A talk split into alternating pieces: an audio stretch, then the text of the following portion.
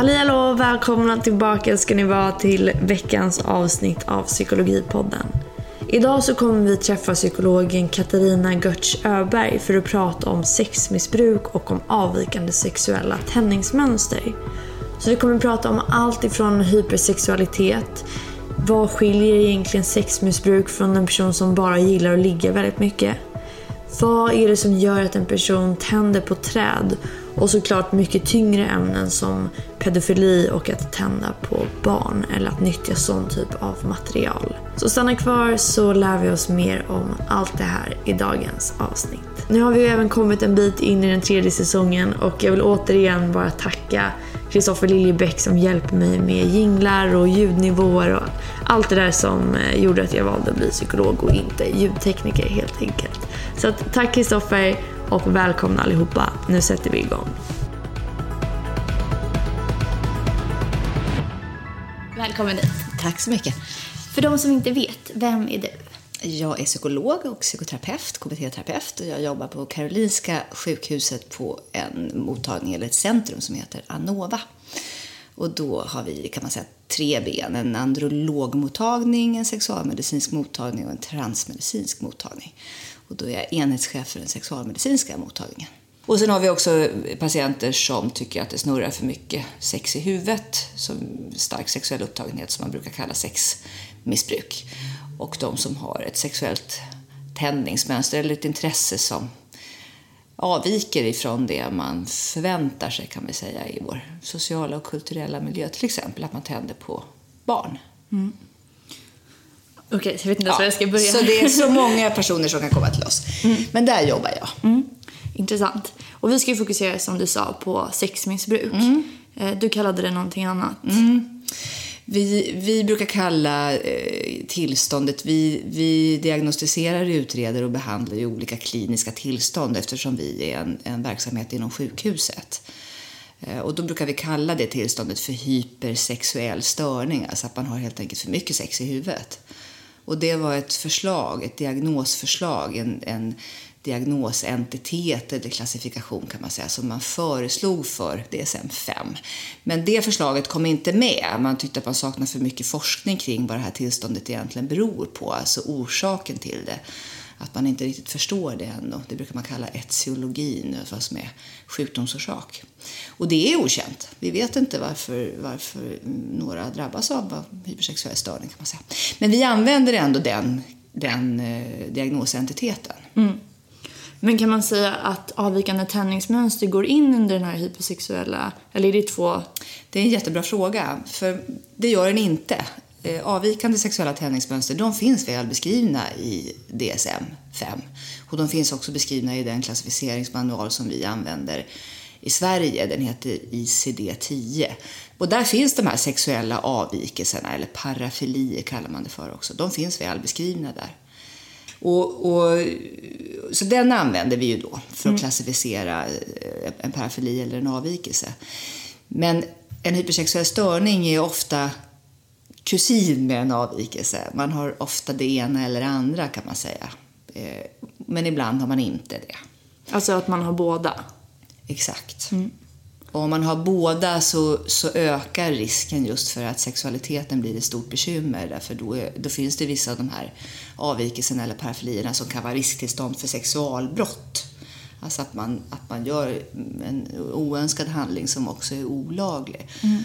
Och har man det här då, alltså både ett avvikande sexuellt tändningsmönster som vi säger, som man lever ut och man har svårt att kontrollera det, att det att, att det är väldigt pockande och repetitivt som hypersexuell störning är, då ökar risken för att, att en otillåten eller oönskad sexualitet levs ut. Och en mm. del i vår behandling syftar till att just erbjuda eller i vår verksamhet kan man säga, syftar till att erbjuda behandling som ett preventiv, en preventiv insats. Att man ska kunna få behandling och, och stoppa en, en oönskad sexualitet innan det händer någonting med tredje person. Att någon annan far illa helt enkelt. Mm. Men om man börjar med att kolla på hypersexuell störning. Vad är det som skiljer liksom själva störningen mot någon som bara gillar att ligga mycket? Mm. Jättebra fråga, för det är en jätteviktig grej. Och det är många som, som frågar oss det, om det inte är sådär att man egentligen bara moralisera när man pratar om hypersexuell störning och att man tycker att det, är, att det är fel att man onanerar mycket eller ligger mycket eller har många partners eller vad det är. Men, men det är faktiskt inte så. För, för inom sjukvården då, och det är det som är så viktigt med att man ändå klassificerar orsaken till varför någon söker, så bryr vi oss inte om det moraliska så att säga. Vi pratar inte i värderingstermer om det är rätt eller fel, utan vi, vi tar emot någon och utreder och, och kollar liksom om man uppfyller de här kriterierna för hypersexuell störning. Mm. Och det som är avgörande då, det är egentligen två saker som är väldigt likt det här med sexuell avvikelse. Det ena är att man har ett lidande. Alltså att det är någonting som gör att det här inte funkar, det får negativa konsekvenser. Man försöker sluta men det går inte. Och, det, och ett lidande och eller det man brukar kalla en funktionsnedsättning. Alltså att det får väldigt stora konsekvenser och stora negativa konsekvenser för livet i stort. Och en sån kan ju vara att det drabbar, att det drabbar någon annan, en tredje person eller att det drabbar omgivningen eller en partner. Eller vad det gäller sexmissbruk eller hypersexuell störning så är det, är det många saker som blir lidande. Det kan vara det man ska göra i övrigt, arbete, fritid, partner. Det kan vara ekonomin för att man lägger ner väldigt mycket pengar på att köpa sex till exempel. Eller en del kommer till oss att man har inte kunnat hålla sig utan de gör någonting på arbetsplatsen, surfar mycket eller använder arbetsdatorer och så. Mm. Och, och sen är just definitionsmässigt då så, så har man liksom förlorat kontrollen över det. Till skillnad ifrån att jag, hur nu formulerar att jag har mycket, jag har många partners eller jag ligger mycket. Att det på något sätt, det är viljestyrt men om man inte kan stå emot impulsen eller vad det nu kan vara. Ja, impulskontrollen är en viktig del i det där och den är ofta satt ur spel. Då.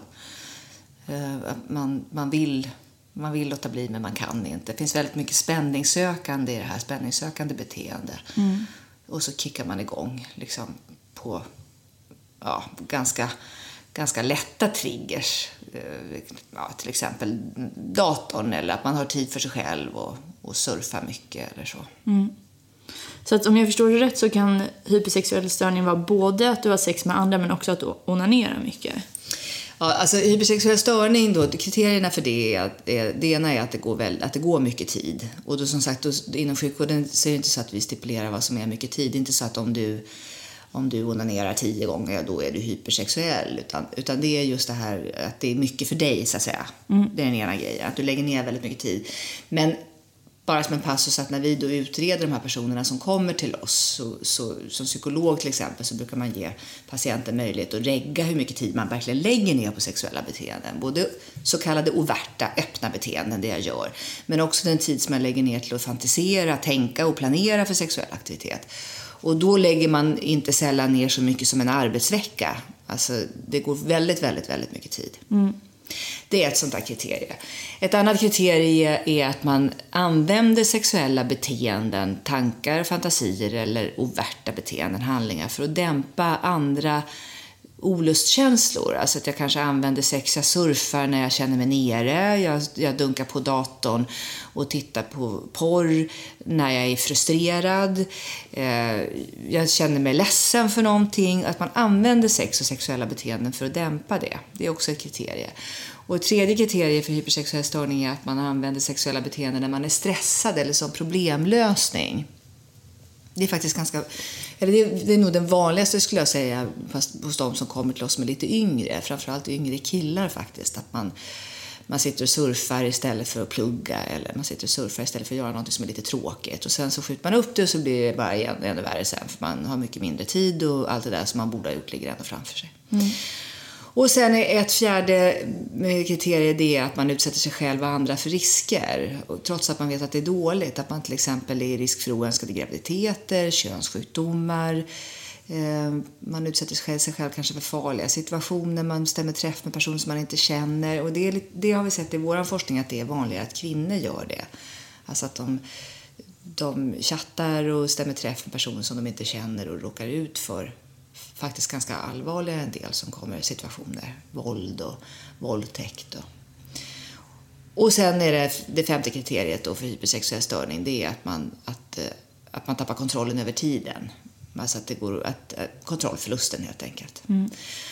Och enligt det förslag som lades för DSM, som jag pratade om tidigare, då, det var en person som hette Martin Kafka som skrev ihop de här kriterierna och det som då i och för sig inte antogs, men det förslag som låg och som vi använder oss av, så behöver man uppfylla fyra av de här fem kriterierna. Och sen specificerar man då enligt den här diagnosen om vilket beteende det är man använder. Och då är de beteendena inte specificerade ut efter de här sexuella avvikelserna utan det är någonting annat. Det beskriver sexuella tändningsmönster och intressen. Utan hypersexuell störning, då är det till exempel en sån specifier, sexual specifier, kan vara onani eller pornografi eller sexchatt, telefonsex eller att man går på sexual venues eller strippklubbar eller så. Eller att man har många partners. Mm. Så det är ganska brett? Det är ganska brett och då kan man säga att definitionsmässigt då så skiljer ändå hypersexuell störning sig i sin definition ifrån avvikelserna på så sätt att beteendena i sig är inte avvikande eller problematiska utan det är omfattningen och kontrollförlusten som är, som är problemet. Mm. Alltså att man för att då få diagnosen så, så har man en funktionsnedsättning eller ett lidande kring det. Det är i sig inget bekymmer att onanera. Det är bra att onanera och man ska onanera. Det är i sig inget bekymmer att ha vuxna samtyckande partners så många som man önskar. Men när man har tappat kontrollen över det eller använder det som ett sätt att hantera andra svårigheter, då kan det bli ett bekymmer. Hur vanligt är det här? Ja, det vet vi inte riktigt hur vanligt det är. Och det har att göra med att det inte har funnits någon sån här definition eller någon sån här beskrivning i någon av diagnosmanualerna utan man har liksom samlat det definitionsmässigt lite grann under olika benämningar. Och sen har det gjorts en del studier och alla är inte riktigt bra. Men det, de amerikanska studier i alla fall som man tittar på män, då har man sagt att det är upp, ungefär 3-5 procent av den manliga vuxna befolkningen. Och så finns det en svensk studie som många refererar till, den börjar bli väldigt gammal nu, men den, den som gjordes 96 där man tittade på svenska befolkningen mellan 18 till 74 år. Vanor och attityder och vad man gör och hur vi ligger och så. Och där har man då gjort ett mått. Man har tittat på eh, olika beteenden som skulle kunna samlas under hypersexuellt beteende. Och enligt den då så skulle det vara så många i den svenska befolkningen mellan 18 till 74 år som 12 procent av den manliga befolkningen och 7 procent av den kvinnliga som skulle uppvisa ett hypersexuellt beteende. Jag tror att det, det låter inte riktigt det låter inte riktigt rimligt men, men så vi vet inte. Ja, det, det saknas bra studier helt enkelt. Mm. Men, men eh, en kvalificerad gissning då med tanke på min kliniska erfarenhet och att det ändå är relativt många som söker så låter tio mycket och fem kanske lite, men vi vet inte. Mm. Men jag tänker att ett sexmissbruk kan så himla lätt... Eh, alltså det är lätt att dölja mm. och att det, det beteendet uppmuntras ofta. Alltså att mm. ha mycket sex, det är ingenting. Nej. Att ta mycket droger eller dricka alkohol varje dag, det är en sak. Men att ha mycket sex, mm. det är på något sätt att eh, det kan ju vara något positivt. Mm. Särskilt, det är ju också en viss köns diskriminering i det, eller vad jag ska säga. Alltså det, det är mer okej okay för killar att ha mycket sex, att det premieras. Ibland, så, eh, ibland refererar man till kvinnligt sexmissbruk eller hypersexuell störning som självskadebeteende. Och, och, och det vi har sett i vår forskning och det vi också ser kliniskt det är att de kvinnor som kommer till oss de är mer belastade av annan psykiatrisk samsjuklighet som man säger. Det är mer faktiskt mer missbruk och, och, att de mår sämre psykiatriskt. Men bara så spontant så är min reflektion ändå att det är aldrig någon som skulle komma på tanken att prata om självskadebeteende om, om män har många, många partners, men när kvinnor har det så är det mer en, en betraktelse av det, att det är självskadebeteende. Jag, jag tror att man måste liksom titta lite mer nogsamt på det där och man behöver ha en ordentlig definition för att kunna veta hur vanligt det är och hur mycket det är. Och, och jag håller med om att, att eh, det kanske går längre innan man söker hjälp därför för sex är ju inte eh, i sig skadligt mm. eller behöver vara. Men när man tappar kontrollen och det får negativa konsekvenser så kan det ju vara det. Mm. Men när jag försökte läsa på lite innan jag kom hit idag om det här med sexmissbruk eller hypersexualitet som självskadebeteende då kom det, alltså som du säger, det, det var många kvinnliga berättelser ja, som lyfts. Mm. Och eh, med det sagt så tror jag inte att, så vissa människor använder säkert sex som ett självskadebeteende. Mm. Mm. Men det kanske inte innebär att det är den enda anledningen. Nej, Nej jag håller med om det. Jag är inte expert på det och jag vet, tycker inte heller att självskadebeteende som term är särskilt väl definierat. Man vet liksom inte exakt vad det är. Men, men, men så, så kan det säkert vara. Att en del använder sex som ett självskadebeteende. Så det är dels det och som du sa, att ofta att man skjuter upp andra saker, mm. låter det som. Mm. Att man undviker situationer mm. som man borde ja, lägga precis. tid på. Ja, precis. Men om man nu lyssnar på den här podden och känner, så här, känner igen sig lite i det här. Mm. Hur vet man? När ska jag söka hjälp? När är det här ett problem? Mm. Jag, jag brukar säga att man ju hellre söker hjälp eller ringer till vår hjälptelefon, Preventell till exempel, en gång för mycket än en gång för lite. För då får man ju prata med någon som kan det här och som man kan, som man kan diskutera tillsammans med vad man är orolig för. Men sådana där lite varningstecken brukar ju ändå vara att man kanske sagt till sig själv att nu måste jag lägga av med det här. Jag måste, jag måste ägna mindre tid åt att köpa sex eller det börjar jag har, jag har, det känns inte schysst att jag har många parallella kontakter. Och, alltså, men man kan ändå inte låta bli. Sen blir det likadant igen, trots att man har lovat sig själv att man ska lägga av. Alltså man kanske raderar alla kontakter i datorn och, och, stänger alla hemsidor eller vad det kan vara för någonting och sen så öppnar man upp dem igen. Mm. Då kan man ju börja fundera. En annan sån här varningsgrej brukar ju vara att någon i omgivningen påtalar att det här, det här är inte okej okay, eller det här är för mycket eller det här, det här är jag orolig för. Mm. Så oroas man, någon, oroas man över sina tankar eller fantasier och att det börjar ta för mycket plats så kan man alltid ringa och prata, tänker jag. Just det, och Preventell är anonym, eller hur? Mm. Man kan... Preventell är anonym. Man kan ringa och, och prata med en person som är, van och, och samtala kring känsliga frågor och, och van att ta emot den här typen av samtal. Mm. Okay. Ja, det är bra att veta. Jag hade aldrig hört om den linjen Nej. Eh, förrän jag började ja, söka ja. lite mer kring ämnet. Ja. Eh, är den kopplad till er på Anova? Ja, den är kopplad till oss. Det är vi som driver den. Men det är regeringsmedel faktiskt. Vi fick pengar av eh, eh, först den borgerliga regeringen och därefter den, den, nuvarande regeringen för att driva den här telefonen nationellt. Mm. Så man kan ringa varifrån eh, som helst i landet och så har vi samlat på oss kontaktuppgifter och dit man kan vända sig om man inte kan komma till oss på Anova. Mm.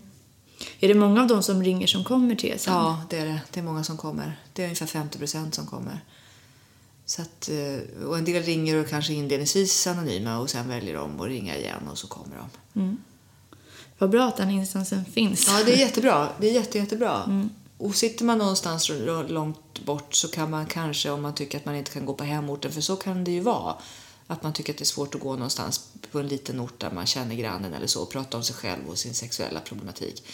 Men då, då om man kan tänka sig att komma vid något enskilt samtal till oss för att få en bedömning så kan man sen också ha hjälp och behandling via video, videobesök. Mm. Så man kan sitta på hemorten. Och vi har också numera våra behandlingsprogram via internet. Mm. Så man kan, man kan stå i kontakt med en, en terapeut via internet mm. och göra sina, läsa på om sig själv och sitt beteende och orsaker och jobba själv. Mm. Men handlar det mycket om att man ska återta kontrollen och ansvaret antar jag över sitt liv eller hur ser behandlingen ut? Mm. Det, det, kan man säga att det handlar om, fast det är lite mer nedbrutet till mer hanterbara delar. För man ska bara ta ansvar för sitt liv, då blir det väldigt stort. Men däremot kan man liksom ta ansvar för det här specifika beteendet och titta, lära sig mer om det, förstå mer om vad det, är, vad det liksom fyller för funktion. Om det är så att jag till exempel använder porr och skjuter upp, så kan man ju dels få fatt i när och var och hur jag lätt gör det. Alltså mm. vad är en så kallad trigger för det? Är det när jag, när jag vet, börjar få tankar på att jag, ska, jag behöver sätta mig ner med en uppgift och så skjuter jag upp den. Alltså att man, att man får en större förståelse för vad som utlöser det här. Mm. Det är den ena grejen. Den andra grejen är att man också får hjälp att hantera situationen. Alltså istället för att göra det så gör man andra saker. Och sen kan man ju tänka sig att om man har en tendens att skjuta upp grejer som man man behöver göra så kan man behöva problemlösningsstrategier för det så att man får hjälp med att göra, liksom ta tag i saker mm. lättare som, som annars bara blir liggande. Mm, mm. Handlar det någonting om bekräftelsebehov? Eller? Ja, det, det kan ju verkligen finnas med. Alltså att man, man eh, använder sex när man känner sig nere eller ledsen eller frustrerad på ett eller annat sätt. Och att det då finns en väldigt stark ja, spänning i det här. Att, man, att vi man kan, i en sexchatt till exempel så kan man styra själv och man, man är mer distanserad från den som är på andra sidan. Alltså det är lättare att det är lättare att styra sig själv och sin egen sexualitet för man behöver lägga ner mindre på att känna av och känna efter vad någon annan vill eller inte vill. Så att säga. Just det. Ja, det känns som att i dagens samhälle, du nämner chatt och sen så finns det ju en miljard porrhemsidor till exempel och eh, chatt, jag vet inte, sådana här appar och ja. Det känns som att alltså, tillgången är så extremt stor så man kan ju förstå hur någon kan fastna i, eftersom att det, det tar ju aldrig slut. Nej, jag kan verkligen förstå det. Så är det ju. Och många av de här apparna och tjänsterna är- ju fantastiskt bra för att söka partners och social kontakt. Och, alltså det är ju en otroligt bra väg och har ju öppnat upp för kontaktsökande och sociala sammanhang som, som många saknar. Att det är mycket, mycket mer lättillgängligt.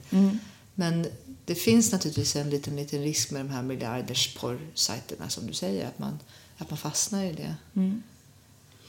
Jag har funderat på, för att, att gå in på porrhemsidor och ha mycket tankar på sex, det behöver ju inte innefatta en sexuell handling. Nej. Alltså, för du sa i början typ att det, det kan snurra mycket sexuella tankar. Räcker det att man har mycket tankar på sex som stör funktionen i ens vardag? Eller måste man också utföra någon typ av handling? Alltså definitionsmässigt räcker det i princip att man har mycket tankar, att man, att, att, att man är ockuperad helt enkelt, att man är upptagen, att det snurrar väldigt mycket. Eh, Och det gör ju oftast de här personerna. Alltså det är precis som jag sa, när man reggar sina beteenden, då, både det man gör, handling och sina tankar och fantasier, så kan ju det vara lika, lika störande eller lika ockuperar lika mycket av min tid även om jag inte agerar ut det. Men det är sällan, eller aldrig, jag tror aldrig jag varit med om att någon söker för att man bara har fantasier så att säga. Och, Utan ofta har man ju då också någon form för utagerande. Använder nätet eller har många partners eller... Just det.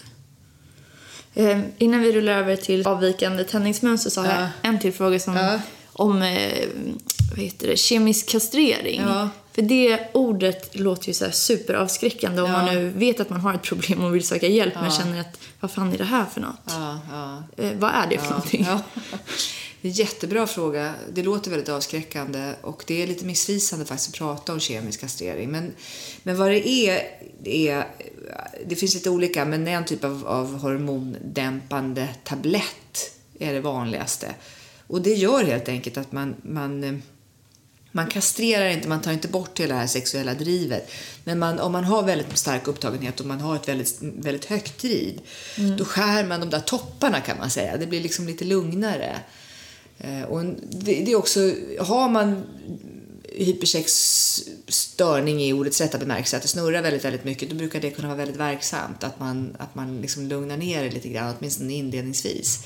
Och sen så måste man ändå jobba i i psykoterapi med en psykoterapeut och förstå sig själv och sitt beteende. För annars om man, om man sen sätter ut medicinen, alltså man slutar att ta den, då kommer det där ofta tillbaka. Och, och, och det kan, man behöver liksom ändå förstå i vilka situationer triggar jag igång. Vad är det jag har svårt att låta bli? Vad fyller det för funktion? Är det bekräftelse? Är det att jag är uttråkad? Eller är det, eller är det båda delar? Så att också när vi jobbar i behandling så, så, så eh, kastrerar man inte. Alltså man tar inte så starka doser så att man är så att man släcker ut det sexuella drivet helt och hållet för då blir det också svårt att jobba i terapi. Just det. Och det skulle också vara ganska oetiskt att göra det. Alltså man, man, om man tänker sig när vi jobbar med, men när vi jobbar med sexuella avvikelser, då, för eftersom de ofta hänger ihop de här två, så behöver man också sexualitet att jobba med för att stärka det som är den samtyckande sexualiteten. Så då behöver man ett visst driv. Mm. Men, men inte sällan så, så kan det vara bra med antitestosteron eller hormondämpande eller så kallad då androkur eller GnRH analog behandling under en period. Bara för att det ska bli lite lugnare. Och då är de som får det faktiskt väldigt nöjda. Ibland så sätter man också in SSRI, det är ju ett antidepressivt, det finns ju flera stycken i och för sig, men, att, men antidepressiv behandling. Och det kan man ju ibland göra om, om de som kommer faktiskt också är lite låga och lite nedstämda och deprimerade och det är inte alls ovanligt. Alltså att man, man både får diagnosen hypersexuell störning och depression till exempel.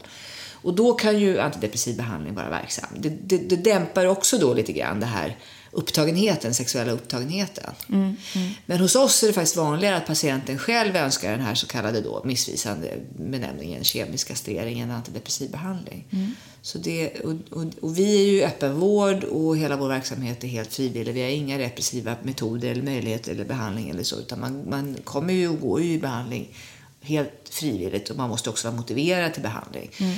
Och, och, för en del är det, är det faktiskt hjälpsamt med medicinsk behandling.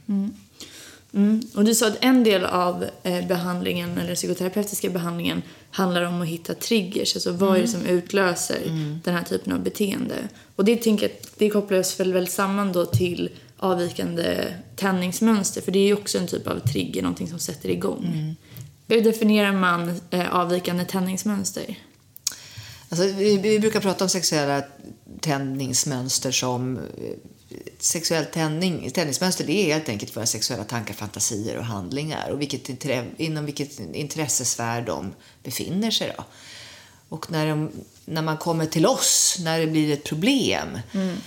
eh, för det finns ju en rad sexuella tändningsmönster eller intressen som skulle kunna vad ska jag säga, liknas vid de, intresse, vid de eh, parafilier som beskrivs i DSM som intresse inte är ett bekymmer, som inte är ett problem, som inte drabbar någon annan och som inte, eh, som, som inte utförs mot någon som inte vill. Mm. Men hos oss då så, så eh, faller ju det sexuella intresset inom ramen för en diagnos och då är det återigen så att om man har då ett sexuellt intresse, ett sexuellt tändningsmönster som riktar sig mot det icke-permitterade barnet och man inte kan kontrollera det och har ett lidande och en funktionsnedsättning, då får man den diagnos då som, som DSM-5 beskriver under, under diagnosentiteten pedofili. Mm. Ja, för det känns som att Alltså, vissa av de här äh, avvikande tändningsmönstren de väcker ju väldigt mycket känslor. Alltså, mm. Alltså till exempel pedofili. Mm. Medan andra kan det vara liksom att man tänder på äh, träd. Ja, exakt. Och det är inga bekymmer med det. Om det inte är så att man Just till exempel skulle kunna vara att, att man, det, det är ett sexuellt tändningsmönster som som kanske förvisso skulle vara avvikande i biostatistisk bemärkelse, men, men det är ett sexuellt tändningsmönster, punkt. Mm. Där, där man skulle kunna tänka sig att någon söker hjälp hos oss, det, det, och det är inte särskilt vanligt att man söker, för det skulle nog mest troligt att klassificeras som en fetischism. man, man, behöver, man behöver verkligen träd för att gå igång. Man går inte igång på någonting annat. Du, en, en, en sån presumtiv patient och någon som kommer till oss skulle jag kunna tänka mig är någon som som tycker att det är begränsande att mitt sexuella tändningsmönster är enbart är träd. Och det kan man ju förstå. Mm. Mm, Om det dessutom då skulle vara så att jag kan inte kontrollera det. Jag har också en hypersexuell störning så jag, har svårt att vara någon annanstans än i skogen eller där det finns träd. Mm. Då blir det ju väldigt begränsande och ett stort lidande. Mm, mm. Men om man kollar på de här äh, tändningsmönstren, handlar det mycket om saker som är förbjudna? Nå, ja, alltså... Ja, förbjud, alltså de, de sexuella avvikelser beskrivna i DSM som är riskfaktorer för sexualbrott och, och därmed olagliga, kan mm. man säga. Om vi nu inte pratar om förbjudna liksom utifrån tabun då, eller vad vi, vad vi människor uppfattar som förbjudet. För att det, så, då, så är det just det som beskrivs som pedofili, att man har ett sexuellt tändningsmönster mot barn. Och sen är det voyeurism, att man går igång på sexuellt, att smygtitta på andra personer som inte har samtyckt till det. Mm. Andra som är nakna eller som har sex med någon annan. Eh, Alltså, då är det definitionsmässigt inte någon som går på en badstrand där folk solar nakna, för då är man i en överenskommelse att det gör man. Mm. Eh, utan att man alltså tittar på de som, som inte vill det. Och min erfarenhet är att de patienterna de gör ofta sånt som faktiskt är olagligt. Till exempel tittar, med, tittar in i andras fönster och smyger runt andras eh, kan smyga, smyga runt andras, vid andra hem där man inte får vara eller använder kikare eller så.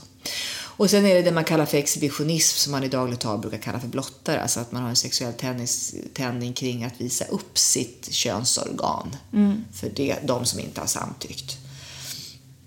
Och sen är det den, den eh, sexuella avvikelser som man brukar kalla för frotterism och det är att man, att man går igång sexuellt på att gnida sig eller gnugga sig mot någon som inte har samtyckt. Mm. Då går man ofta sexuellt igång på en trigger, då, till exempel en vanlig trigger. Det är till exempel folksamlingar eller trånga tunnelbanor. Ja, det har jag läst om i tidningen. Ja, tror jag. ja, det var ju ganska uppmärksammat nu för några år sedan när det var, det blev, jag vet inte, man uppmärksammade det här att folk tränger sig, gnider sig emot folk på konserter till exempel. Mm, mm. hade gjort det.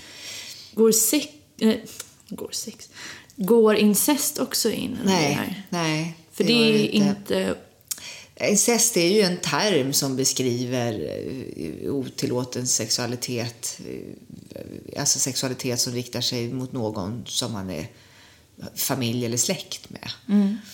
Eh, och nu vet inte jag det rakt av om den termen är med i lag, Eh, alltså om det är en lagstiftning, om det finns med i i lagtexten. Jag, jag, vet faktiskt inte det rakt av, men det är ju inte, ett, det är inte en klassificering inom i diagnostiken incest. Överhuvudtaget så är det en, i mitt arbete, alltså en, jag skulle inte, vi frågar ju om man har varit utsatt för någonting som man inte, som man tvingades till sexuellt eller som man inte ville. Om man har utsatt någon för någonting sexuellt som den personen inte ville eller tvingat någon. Mm. Men om man frågar, om, om du istället frågar någon om, har du blivit våldtagen eller varit utsatt för incest så är det mycket mer värdeladdat. Då ska man, börja, då ska man liksom börja fundera själv om det skulle kunna klassificeras som våldtäkt. En del kanske skulle beskriva eller kanske skulle tycka att det var situationer det varit väldigt obehagligt men man har inte polisanmält och ingen har blivit dömd, ja då är det inte våldtäkt. Så det är liksom inte någon terminologi som vi skulle använda inom sjukvården. Det är en mm. annan, det är juridiska termer, likaså incest så att säga. Att man skulle ticka igång och fundera över har jag varit utsatt för incest. Alltså, det blir en, en värdering i det.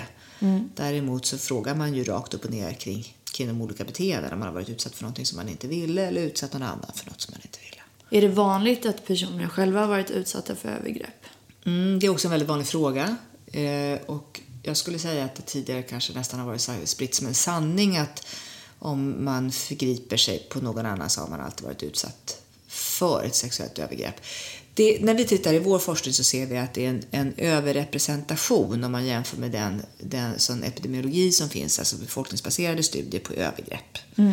Som man, eller sexuella tvingande handlingar som man varit utsatt för. Alltså i vår grupp som kommer till oss och söker hjälp och får diagnoser sexuell avvikelse och eller hypersexuell störning. Mm. Det är alltså fler i den patientgruppen än vad det är om man tittar på befolkningsbaserade studier i övrigt. Men det är inte så att för att man har varit utsatt för ett sexuellt övergrepp så, så blir man så att säga förövare. Mm. Mm. Och skälet till det är för det första att då skulle vi ha många fler kvinnliga förövare än vad vi ser. Därför att det är fortfarande en riskfaktor att vara kvinna och utsättas för sexuella övergrepp. Mm. Och även om det finns ett mörkertal bland kvinnliga förövare så är det ändå så att det är fler män, både som döms och som söker hjälp. Eh, och dessutom så skulle det ju lägga mycket skuld och skam på personer som blir utsatta för övergrepp. Att det skulle finnas Exakt. någon slags kausalitet i att man, om man utsätts för det så blir man förövare. Och det, det är inte så helt enkelt. Nej. Det, det, det, alltså det, det här med övergrepp och sexuella avvikelser och hypersex det är mycket, mycket mer komplext än att det liksom är så enkelt som att om jag är utsatt för någonting så utsätter jag någon annan. Mm. Och det fanns sådana här teorier som att man gjorde det som någon slags identifikation med aggressor och att man hanterade det traumat genom att själv bli förövare. Och det är, finns ingen sån eh, predestinering eller inte någon sån säkerhet i att det blir så mm. alls. Mm. Vi vet egentligen inte eh, varför, varför eh, en del personer klassificeras och diagnostiseras med sexuell avvikelse. Vi vet egentligen inte det. Vi vet inte exakt orsakerna. Inte till hypersexuell störning heller vet vi det. Nej. Nej, så jag tänkte på det häromdagen. Alltså, om sexuell läggning, vad gäller om man är till exempel homo, hetero, bi mm. eller så. Om, om det anses vara medfött, kan man då också tänka att vissa sexuella avvikande tändningsmönster också är medfödda? Alltså ja, så är, så är det nog faktiskt. Alltså medfött och medfött, det finns, alltså det finns alltid biologiska komponenter och det, det, det gör det ju med allt, mm. jag säga. Därför att vi människor är biologi, punkt. Så att det, finns, det finns med säkerhet någon predisposition, men den vet vi inte var den finns, sitter eller vad som är så att säga avgörande. Sen till det måste man också, mest troligt, om, om, den, om, den, det finns en biologisk komponent eller predisposition så finns det någonting, någon inlärning, någon, några motiverande faktorer eller alltså det finns riskfaktorer och det finns skyddande faktorer som också förklaras mer i psykologiska termer. Mm. Till exempel att jag, haft, att jag har haft något, någon tidig inlärning på någon av de här situationerna som gör att jag, att jag, att jag, att jag dras mycket till att visa upp mig eller vad det nu kan vara för någonting. Mm. Och sen finns det också faktorer som, som eh, kombineras med att jag gör det som, som ökar risken för att jag lever ut det. Till exempel det är en sån faktor om man nu, vi säger att jag lever ut det här och visar upp mig sexuellt. Mm då är en ytterligare en riskfaktor för att jag gör det till exempel att jag har dålig impulskontroll. Jag kickar igång snabbt och jag följer impulsen utan att tänka på konsekvenserna. Och en annan sån där riskfaktor som, riskfaktor som bidrar är att jag inte bryr mig så mycket om hur det är för den person som jag visar upp mig för. Mm. Alltså att jag, att, jag, att jag tar det jag vill ha. Att man är, att man är, att man är i miljöer där de här intressena eller sätten eller vad ska säga, också premieras eller, eller uppmuntras, det, det är också riskfaktorer. Vad kan det vara för typ av miljö? Ofta är de miljöerna på nätet numera. Att man är i sådana här forum som, ja, som vi, vi, eller jag i alla fall, har väldigt liten access till. Där till exempel sexuella beteenden mot barn uppmuntras och eh, ursäktas eller eh, stöds hur, alltså hur fan ursäktar man eh, sådana beteenden mot barn? Ett vanligt bete en vanlig sån ursäkt är att barn har också en sexualitet. Att, att man lär barnen sexualitet och att de eh, också eh, njuter av sexuella handlingar, till exempel. Är det vanligt att man rationaliserar ja, sina det, övergrepp? det är mycket vanligt. Det ingår, skulle jag säga. Alltså, det, och det är, också, det är också inlärningsteoretiskt. Vi människor rationaliserar de beteenden vi gör. Mm. Mm. Det gör vi alla. Vi finner stöd för att, vi, att det vi gör är okej. Okay. Mm. Det är ju en del i det här när man ska börja söka hjälp. Det är ju när man ändå börjar liksom känna att det här är fan inte riktigt okej. Okay, alltså. Eller det här, är en, det här är en risk. Eller, eh, och en sån här faktor som man ju då inte sällan bortser ifrån eller snackar bort eller vad ska säga, det är ju till exempel att det faktiskt är olagligt. Mm. Men då finns det gott om sajter som skulle säga att eh, pedofilt tändningsmönster är olagligt och inte accepterat men det kommer liksom homosexualitet att bli det till exempel. Det är en sån här ursäkt eller ett stöd som man som tankar man ner den eller går in på det, ett sånt chattforum där man får stöd för det, ja, då, har man, då har man funnit ett stöd för en sån handling. Mm. Men det är viktigt att komma ihåg också just eftersom det är så laddat det här med pedofilt tändningsmönster och de som har intresse för barn. Det är otroligt viktigt att komma ihåg att, att eh, ett, sexu- ett pedofilt sexuellt intresse betyder inte alltid att man förgriper sig på barn. En del eh, förstår att de har det och söker hjälp för det och, och, och brottas mycket med det och har mycket skam kring det. Jag tror att det är vanligt eh, att ha tvångstankar kring att man är pedofil mm. eller mm. mycket fundering kring om mm. man är det. Mm. Det är det. Hur kan man tänka kring det om man är en sån som lyssnar nu som har de mm. tankarna? Då, då, är, då kan man tänka kring det att det är också bra att kanske ringa och höra sig för hos oss på Preventell och sett ur vårt perspektiv, sett ur vårt eh, perspektiv som sjukvårdare, eller vad ska jag säga, inom sjukvården, psykologer och läkare som jobbar med det här, så är det inte svårt. Den skillnaden är inte svårt. Det brukar man kalla differentialdiagnostik då, alltså det här är en tvångstanke. Mm. Eh, därför att då saknar man helt det här sexuella intresset som man har när man uppfyller kriterierna för pedofili. Alltså mm. att, att, man, att man går igång sexuellt på tankar och, och fantasier och bilder på barn har man en tvångstanke så saknar man helt det. Mm. Men vad gäller eh, alltså, tankar på eh, barn, till mm. exempel, mm. alltså pedofili. Mm. Det i sig är inte olagligt. Nej, och absolut inte. Det är inte olagligt. Eh, men själva, alltså till exempel att... Eh, Men att förgripa sig sexuellt på ett barn är ju naturligtvis det. Och att titta på sån typ av material. Ja. Sexuella dokumenterade övergrepp mot barn brukar man kalla det. Det är olagligt, ja. Det. Mm. Men som du sa, så, alltså, precis som för allt annat så finns det ju miljöer som eh, främst på internet skulle jag säga som, Som ju uppmuntrar det, och stödjer. Och man kan ju försätta sig i en sån situation om man nu bara vill hitta stöd för det man själv håller på med. Det. Och normalisera det till och med. Om man använder den typen av material, det vill säga barn, icke-puberterade barn, och man går igång sexuellt på det och använder det sexuellt, då är det starkt associerat med diagnosen pedofili. Sen finns det naturligtvis, eh, precis som du säger, det här att, att det finns så fruktansvärt mycket nu på nätet och en del, en del menar att de att de liksom ramlat in på den typen av material för att de har stor, väldigt stora mängder pornografiskt material i sina datorer, De tittar på väldigt mycket. Och det, det kan naturligtvis förekomma. Eh, en, del, en del som kommer till oss som har ett sexuellt intresse för barn, de tittar inte kanske på det man tidigare kallade för barnpornografi eller dokumenterade övergrepp mot barn, utan de tittar, tittar på anspelningsbilder, kanske bilder på barn på en badstrand eller eh, det är skönhet, så här, det har vi inte i Sverige heller, tack gode gud, men sådana här som skönhetstävlingar för barn i USA till exempel.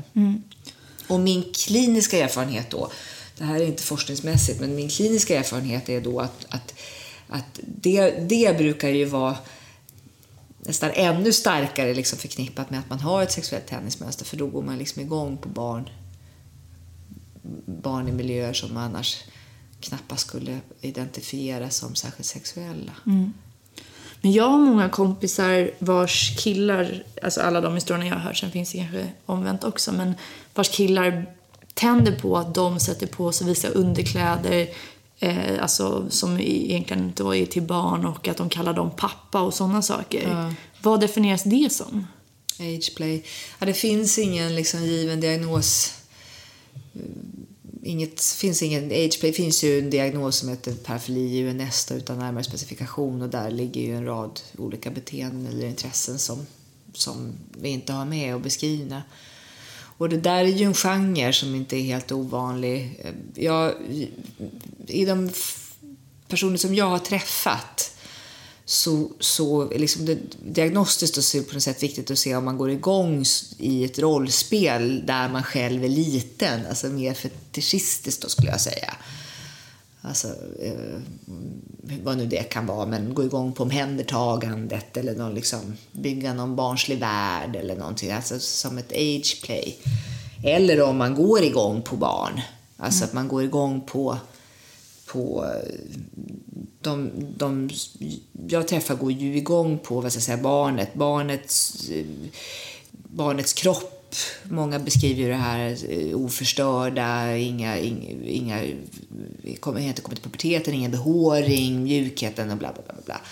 Och en, ibland, ibland har, vid några tillfällen så har jag varit med om att just det här att, att gå igång på då vad ska jag säga, accessoaren som kan förknippas med ett barn. Till exempel det precis som du sa, att man sätter på sig barn, barnkläder eller blöjor eller vad det kan vara för någonting. Att det också, och, och där, därtill finns då diagnosen pedofili. Men det där får man ju undersöka från fall till fall. Ja, det känns Och jag skulle säga att det inte alls är givet så att man går igång, om man nu går igång på det som du beskrev, är ju inte det alls givet så att man också skulle uppfylla kriterierna för pedofili. Det vet vi ju inte. Överhuvudtaget så är det där upp till sjukvården nu att diagnostisera skulle jag säga. Alltså psykologer och psykiatriker och inte andra. Mm, Och man, vi undviker att man är pedofil då, för det är mycket svårare att göra någonting åt det man är. Men däremot kan man söka behandling och göra någonting åt det man gör. Och då, då diagnostiserar vi också om man är så kallad exklusiv eller icke-exklusiv. Och min erfarenhet är ändå att de allra, allra flesta är icke-exklusiva. Alltså man har också tennismönster som riktar sig mot jämnåriga. Och då stärker man det så att säga och, och försöker öka på fantasier och tändning mot, mot eh, samtyckande i samma, samma ja, behöver inte vara exakt i samma ålder men, men i, Laglig Ja, ja, precis. Ah, vi måste snart runda av. Jag har Ja. så mycket mer grejer som jag vill fråga om. Men nu har vi fokuserat mycket på pedofili som avvikande Ja, tändningsmönster. ja. Vad mer är vanligt? Ja, alltså, de befolkningsbaserade siffrorna är ju också väldigt svåra därför att vi vet ju inte det. Och det är sällan som vi har studier där man också rapporterar ett tennismönster mot barn. Eh, men det ser ut, och det finns en finsk och en tysk studie, det ser ut som att man tror att det är ungefär skulle vara 3% av den manliga befolkningen som ändå skulle ha ett sexuellt intresse för de som är under 15. Men vi vet inte det exakta. Men hos oss kan man säga att det här med voyeurism, att man smygtittar, är inte helt ovanligt. Och på ett sätt så kan man säga att det här med porr är ju lite grann som att smygtitta. Fast det är så vanligt så att man... Ja, och, och dessutom så, så de, de flesta som figurerar inom pornografin är ju med på det. Då. Men, men den grejen att smygtitta på, på andra som inte vet om det. Det känns ju som att många i porrindustrin inte är med på. Nej. alltså igår eh, så gick jag in, eh, för att jag ville bara undersöka så här, vad, hur lätt är det att hitta någonting. Alltså, det är så sjukt att inte porrindustrin, det är en helt annan diskussion, men att mm. den är mer kontrollerad mm. än vad den är. Mm. Men ja, sorry, jag ja, Nej, du behöver verkligen inte säga sorry, för jag är den första att hålla med. Alltså, att det där är jävla dirty business. Nej, men ja, det var ju rism och exhibitionism, då, eller blottare. Mm. Alltså att man går igång på att visa upp sig. Och som jag sa, går man, är man på en nudistbadstrand så kan man säga då är inte det exhibitionism för där har alla samtyckt till att man visar upp sig. Men det, min erfarenhet är att personer som gillar det, de är gärna i de miljöerna och använder dem fantasimässigt väldigt sexuellt. Alltså tappar handduk på en badstrand eller går i bastun. Och... Mm. Mm, aldrig tänkt på. Nej, Tänk på det.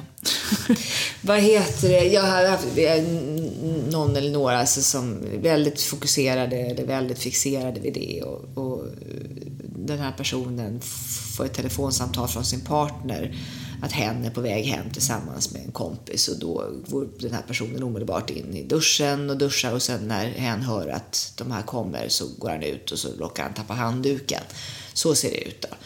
Och mycket av det där, alltså det är väldigt sällan man går i motionsspåret med rocken och så visar upp sig så, utan mycket är liksom... Men, men, men där skulle jag säga också att när man söker hjälp då så är det där att man har en väldigt stark upptagenhet och gör det i väldigt hög utsträckning och att det liksom cirklar och, och kretsar kring det.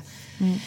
Men sen är ju mycket av de här sexuella beteendena utspelar sig i fantasin. Alltså man går inte över gränsen, man går inte på tunnelbanan och gnider sig själv mot någon så att man får utlösning eller orgasm. Men däremot går man, är min erfarenhet, och det kan ju också bli ett lidande för att man vet att inte, man inte får, men att man liksom försöker sätta sig bredvid någon och komma nära eller ja, vidröra någon eller, och, liksom, och sen fantisera kring det och går hem och onanerar.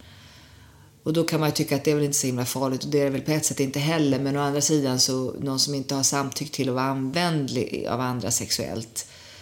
Eh, det är i alla fall, det, det behöver inte nödvändigtvis vara olagligt men det är bra om man har en patient där man känner att det där börjar, det där börjar ta för mycket tid och det svämmar över och dessutom kanske det skulle kunna vara en poäng att stärka den här sexualiteten när man då underkasta sig att man är i ett samtycke och turtagning och ömsesidighet som kanske i och för sig är jobbigare än att man då bara sätter sig bredvid någon och, och vidrör den personen och sen går hem och onanerar. Men, men eh, det är väl det som blir problemet hos de här personerna, att man inte, att man inte man är inte i ömsesidighet och samspel med andra utan man tar det man vill ha. Ja, det känns som ett genomgående mönster att, alltså att det är någon typ av samtycke som man inte vill ha utan att det är mer en maktobalans. Mm. Att man, ja, som du säger, tar det man vill ha mm. eller att man eh, har en, ja, tar mm. makten helt enkelt. Mm. Handlar det mycket om det? Ja, det, finns ju, det, det, kan man väl säga. Det finns ju med. Man kan göra mycket med sexualiteten, men det, kan ju, det finns ju definitivt med. Och då, men makt, maktperspektivet är ju där på det sättet att man har använt någon sexuellt som inte har samtyckt. Det är det ju definitivt. Men jag skulle säga att det ofta också handlar om, om maktlöshet hos de här personerna, att ha så stora svårigheter att vara i samtycke, för det ställer ganska stora krav. Det ställer krav på att, att läsa av en annan person och förstå vad den personen önskar, att, att både vara öppen för att kunna dela och ge och bli avvisad och fråga om lov och känna in och misslyckas och mm. lyckas och allt det här som, som är härligt med mellanmänskliga relationer men också jobbigt. Och för de här personerna är det ofta väldigt jobbigt. Mm. Väldigt jobbigt. Om man ändå är tillbaka på det där med att ha sexuell tennismäster mot barn så är ofta de personerna väldigt bra på barn. De är liksom bra på den bra på att förstå och prata med barn. Men vuxna relationer kanske är mycket svårare. Svårare att, att vara liksom in line med det krav som vuxenvärlden ställer. Och eh, då tar man det man vill ha utan att fråga. Nätet är ju också, som, fantastiskt som nätet är, som vi har pratat om nu tidigare här också. Och det är ju verkligen, skapa relationer och kontakter och över hela världen och bla bla bla. Men nätet gör ju också att jag, jag, kan, jag både kan missförstå och förstå hur jag vill göra och jag behöver liksom inte utsättas för samma, samma sociala prövning som jag behöver göra när jag, när jag sitter tillsammans med någon. Och särskilt om man ska ta den relationen vidare till en sexuell relation. Man ska titta folk i ögonen, titta människor i ögonen, man ska förstå, man ska närma sig och kanske bli avvisad och man ska man ska våga visa sig sårbar och att man vill och att man, ja, att man önskar, att man har en längtan och ett behov och det ena med det andra. Sitter man på nätet så behöver man inte göra det på samma sätt och man kan styra det mycket mer. Det, det, det ger andra det ger andra förutsättningar och spelregler. Och i det finns det makt, men det finns maktlöshet också, är min erfarenhet. Hur ser behandlingsprognosen ut för till exempel pedofili? Ja, vi brukar säga att vi stärker då eh, sex, de skyddande faktorerna som är att vara med andra i, just samtycke och kunna utveckla de här eh, faktiskt färdigheter som det handlar om att kunna vara med andra så att man vågar det mer. Och sen också sex med, med de som, som är med och som ställer krav och som samtycker. Eh, och då gör man liksom, genomgår man behandling och är motiverad och gör de här grejerna som vi erbjuder i en KBT-behandling, då ser ju prognosen väldigt bra ut. Sen eh, ja, måste man ju vilja, så att säga. Man måste ju vilja vara med och vara delaktig. Och, och behandling kan ju innebära att man har ett bakslag och så att man tittar på övergreppsmaterial fast man inte vill. Och, och så kan det se ut. En sista fråga som jag bara fick nu. För att du sa förut att pedofili är någonting som man gör. Alltså är pedofili en sjukdom som man kan bli botad Vi vet, från? vi vet inte. Nej, vi vet. Vi ser olika ut gruppen heterogen och vi vet inte den exakta orsaken. Och vi brukar inte prata om att vi botar utan mer att behandlingen just går ut. Det är därför vi, vi pratar mer om att, att det är någonting de här pedofila handlingarna som de gör, att det är det vi behandlar. Och, fan, och då menar jag också, med handlingar menar jag också fantas- fantasier och tankar. Alltså, Eh, både det overta och, och det man tänker och fantiserar. Sen kanske inte det sexuella tändningsmönstret eller risken för det någonsin helt försvinner, men man kan ändå lära sig att kontrollera det och veta att eh, konsekvenserna av det är så dåliga så att man, man, man låter bli. Mm. Alltså remission för pedofili ska vara sex år. Det är ju, och, det, och dessutom är ju det de tillstånd i DSM som man kan diagnostisera utan att patienten själv säger att, att, att, att gå med på kriterierna så att säga. Man kan diagnostisera dem på handling. Och där skulle en sån handling till exempel vara att man har använt dokumenterade övergrepp. Det man tidigare pratade om som barnpornografi skulle till exempel vara det. Tack så jättemycket Ja. för idag. Nu har jag pumpat dig här känner jag. Pumplipump. Ehm, Men gud, vi kommer säkert träffas igen i framtiden. Eller hur? Ja, Så spännande. Tack så Ja. jättemycket att du ville vara med. ja tack själv. Ha det bra allihopa. Vi hörs igen nästa vecka. Då är det ett nytt ämne och en ny gäst.